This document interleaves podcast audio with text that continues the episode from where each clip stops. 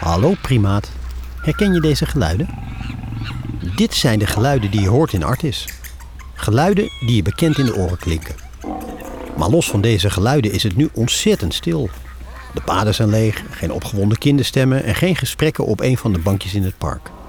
De dierentuin is op zijn allermooist als er lekker veel mensen rondlopen. Maar dat kan nu niet. En dat heeft grote financiële gevolgen.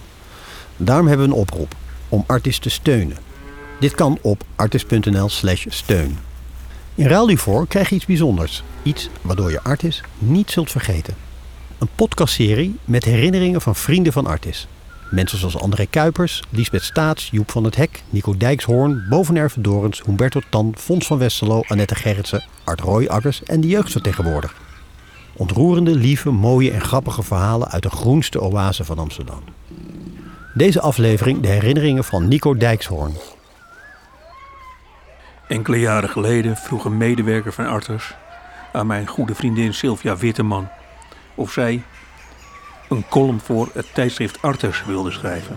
En Sylvia, die zei, en ik ben daar nog steeds eeuwig dankbaar voor, dan moet je bij Nico Dijkshoorn zijn.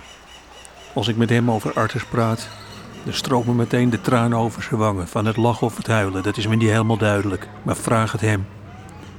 En Arters heeft mij dat gevraagd. En ik kan het eigenlijk niet beter uitleggen dan een column voor te lezen uit dat tijdschrift. Het gaat als volgt. Ik verzamelde foto's. Niet van dieren, want daar kon ik niet goed genoeg voor fotograferen. Ik heb het wel geprobeerd, maar mijn foto's die ontbeerden finesse. Op foto's van anderen, daar zag je het verlangen van het aapje naar de wortel. En op mijn foto's zag je een aapje in een oranje vlek. Het lukte me zelfs om stokstaartjes, bewegingloos loerend naar een niet bestaande horizon, onscherp in beeld te krijgen. Ik verzamelde de door Arters gemaakte foto's van mijn entree in de dierentuin. En die zijn, nu ik ze hier zo naast elkaar leg, net zo ontroerend als de foto's die ik heb bewaard van mijn vader. Als hij naast mijn moeder op de kermis een foto schoot. Langzaam zie je ze veranderen in volwassenen en opeens zit ik op de armen van mijn moeder. Zo is het ook met de foto's in Arters. De enige constante factor ben ik zelf. Daar sta ik als driejarig jongetje naast mijn lievelingsoom Wim. Ook alweer tien jaar dood. Ik sta naast mijn moeder toen ze nog heel leuk haar had en gestifte lippen. Mijn vader, die droeg zijn haar net zoals mijn broer het nu draagt. Op alle foto's kijk ik precies hetzelfde. Blij, omdat ik naar de dieren ga. Ongeduld, dat zie ik ook. Ik word namelijk opgehouden door de fotograaf. Ik wil meteen naar de pinguïns, want die krijgen zo vis. Het is een prachtig rijtje foto's. Sommige met onderschrift. Voor het eerst met de kinderen en arters. Ik heb zojuist alle foto's in chronologische volgorde op tafel gelegd. En er voltrok zich een wonder. Schokkend zie ik mijzelf naast mijn ouders omhoog groeien. En opeens verschijnt mijn dochter naast mij.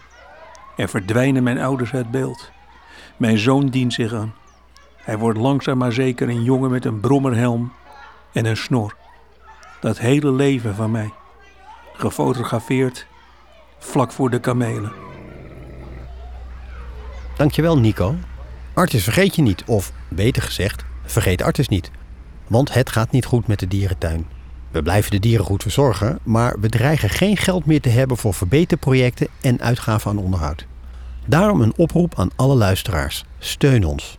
Alleen met jullie steun kan iedereen herinneringen blijven maken in Artis. Ga naar artis.nl slash steun en doneer. Namens alle dieren en iedereen van Artis, dank je wel. In de volgende aflevering zijn er weer nieuwe herinneringen.